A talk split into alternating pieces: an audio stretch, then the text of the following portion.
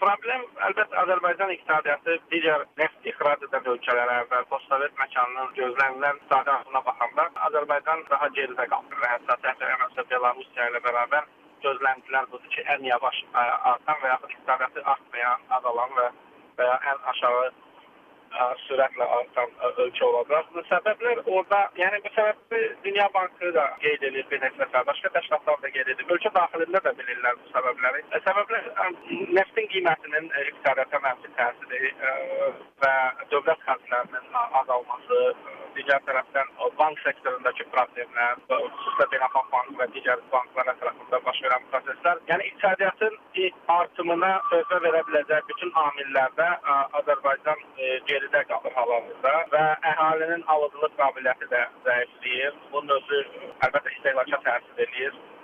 Yəni ölkədə əlbəttə o hesabatda da göstərilir ki, müəyyən qədər stabilliyə nail olundu. Çünki devalvasiya edildi ki, valyuta və devalvasiyadan sonra sərt manat rejimi tətbiq olundu Milli Bank tərəfindən və maliyyə sektorunda problemli bankların problemlərini həll etməyə çalışan addımlar atıldı. Ancaq bunlar kifayət deyil təbii ki. Kifayət olmadığı üçün orada da görürük ki, inkişaf etməkdə olan ölkələr, neft ixrac edən ölkələr, ortalama artımı Azərbaycanın artımından daha yüksəkdir. E, əlbəttə biraz daha optimist yanaşma var. Yəni əvvəlki məsələn 1 il bundan əvvəllə bağlı müqayisədə daha vəziyyət stabilləşib. Amma stabilləşmə o demək deyil ki, artım olacaq. Hətta orada gözləntilər təbii ki, neftin qiyməti, neftin qiyməti də o gözləntilərə təsir eləyir və neftin qiymətinin azalması əlbəttə Azərbaycan iqtisadına mənfi təsir edir. Bunun fonunda hökumətin büdcə xərclərinin azaltması əgər davam edərsə, özü də mənfi təsir edir. Yəni faktorlar çoxdur, xüsusilə böhran vaxtı bu faktorlar bir-birinə təsir edir həm təklif, həm tələb, xüsusilə sahibkarların biznes şəraiti və maliyyə resurslarına əl çatması problem halına gəlir və bu vaxtda təbii ki, böyük problem odur ki, investisiya azalır. Dövlətin də xərcləri və investisiyalar azalanda iqtisadiyyatı artıran amillər zəifləyir və belə olanda iqtisadiyyat arta bilmir. Eyni hesabatın 2016-cı il e, rəqəmləri göstərir ki, Azərbaycan 3.8% azalma müşahidə olunmuşdu və bu il bu artıq 1.4%dir və gələn il artıq e, 0.6% irəliləmə olacaq.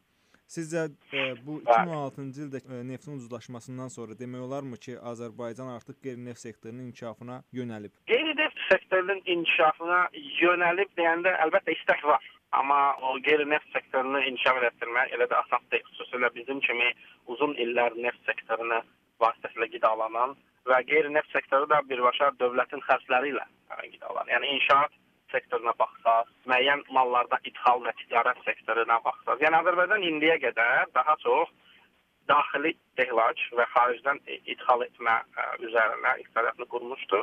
Təbii ki, bunda neftin qiyməti ilə, neft ixracı ilə, neft gəlirləri ödəyirdi. Neftin qiyməti indi əgər gözləniləndən aşağı olsa, əlbəttə ki, ə, bu ölkənin gəlirlərinə mənfi təsir edəcək. Mənfi təsir edəndə büdcənin xərclərinə təsir edəcək. Ümumiyyətlə, yəni təkcə bizim ölkədə deyil, qlobal olaraq ə, problem ə, budur ki, ə, pul siyasətinin və büdcə siyasətinin qeyri-müəyyən olması bir çox ölkələrdə qeyri-müəyyən olması. Bu dəqiqə qlobal artımı Çin, Hindistan kimi ölkələr əslində bu orta rəqəmləri artırır. Məsələn, baxsaq, Latin Amerikasında böyük iqtisadiyyat, Braziliyanın problemləri çoxdur, iqtisadiyyat 2 ildə arxa-arxaya azalır. Yəni dünya iqtisadiyyatı baxımından da problemlər var və böyük problem odur ki, ümumiyyətlə pul siyasəti, xüsusilə federal ehtiyatlar sisteminin və Avropanın və Yaponiyanın mərkəzi banklarının pul siyasəti tam dəqiq təxmin edilə bilmir. E, yəni müəyyən qeyri-müəyyənlik var. Qeyri-müəyyənlik olanda da təbii ki, gələcəklə bağlı gözləntilər qeyri-müəyyən olur. Belə olanda investisiya çətinləşir. Əlbəttə, əgər borc Azərbaycan bank sektoru sahibkarları ucuz maliyyə vəsait ilə təmin edə bilmirsə, yəni bu birbaşa xərcləri artırır, maliyyə xərclərini artırır. Belə halda investisiya zəifləyir. Digər tərəfdən ümumiyyətlə, yəni krizis böhrandan sonra Azərbaycan hökuməti məsələn İslandiya kimi bir ə, metodu İslandiyanın tətbiq elədiyi bir metodu edə bilərdi məsələn, əhalinin sosial müdafiəsinə böhranın təsiri və bunun aradan qaldırılması. Çünki nəticədə istehsal olunan mallar, ixal olunan mallar satılmalıdır. Əlbəttə devalvasiya çox böyük təsir edir. Yəni İslandiyada da bu təsir edir. Onlar da devalvasiyaya getdi. Bunun müsbət cəhəti də var. Devalvasiya ol olmalı idi bu şəraitdə. Amma bundan sonra atılan addımlar əhalinin sosial müdafiəsi, əhalinin belə deyək də tələb alıcılıq qabiliyyətinin artırılması çox vacib. Burada biraz problemlər oldu və gələcəklə bağlı da hələ tam açıq deyim mən ə, belə bir ə, yol xəritələri var təbii ki, amma bu yol strateji yol xəritəsinin 6 aylıq hesabatı, han hardayıq, nə qədər bu strateji yolda gedə bildik, bunlarla bağlı məlumatlar verilməlidir. Hansı ölçülərdən istifadə edirik? Hələ ki bu problem olaraq. Təbii ki, Azərbaycan hökuməti çalışır təbii qaz sahəsinə investisiyalar eləsin. Problem odur ki, xarici institutlar maliyyə xərclərini artırır və investisiya iştahı azalır. Bunun özü böyük problem. Bizdən fərqli olaraq həm Gürcüstan, həm Ermənistan növbəti 3 il ərzində davamlı olaraq ümumdaxili məhsulun artırılması müşahidə olunacaq. Dünya Bankının verdiyi hesabatda bu rəqəmlər göstərilib. Sizcə bu Bəli. yəni Azərbaycanın bu qədər zəngin neftə və iqtisadi gücünə malik olmasına rəğmən digər Gürcüstan və Ermənistandan fərqli olaraq bu azalma əsas səbəb nədir buna?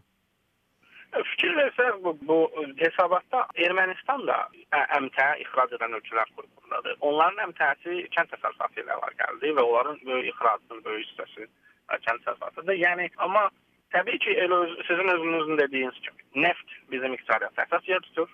Neftin qiyməti və əlbəttə bunun başqa amillərə təsiri birbaşa bizim iqtisadiyyatı aparır. Ya artırır, ya azaldır. Yəni bizim iqtisadi model hal-hazırda transform olmalıdır yeni modelə. Bu yeni model müəyyən qədər ixrac qabiliyyətini artırmaq, xüsusi bazarlar tapmaq, az kiçik də olsa müxtəlif sahələrdə niş bazarlar tapmaq lazımdır. Amma ən böyük problem, yəni bütün dünyada belədir. Kiçik və orta sahibkarlıq Azərbaycanda qorunmalı və inkişaf etdirilməli. Və kiçik və orta sahibkarlığın ən böyük problemi maliyyə vəsaitlərinin əlçatan olmaması. Yəni əgər ə, hökumət pul siyasətində maliyyə vəsaitlərini əlçatan etmirsə, sahibkar ə, necə investisiya eləsin? Onun xərcləri ə, yüksək olur. Yəni ya sahibkar öz qazancından xərcləməlidir. Onun özü də azalıb. Yəni qazanclar azalıb təbii ki. Bu dövrdə gərək, yəni bankları xilas etməyə qərarı təbii ki, bəzi məsələn İslandiya o qərarı əksinə vermişdi. Məsələn, İrlandiya başqa bəzi ölkələr böhran vaxtı 2008 böhranından danışan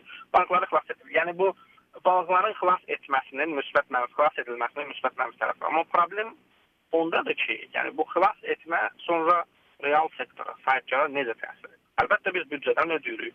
Büdcədən pul ödəyirik. Bu büdcə yükünü artırır. Büdcə yükü gedə bilərdi, deyək ki, investisiyalara, yeni-yeni sahələrə. Amma biz nə edirik? Beynəlxalq bankın toksik deyək maddə aktivlərini ə, satın almağa alıb və və çalışırıq ə, borc beynəlxalq borclarını yenidən restrukturiziya edək.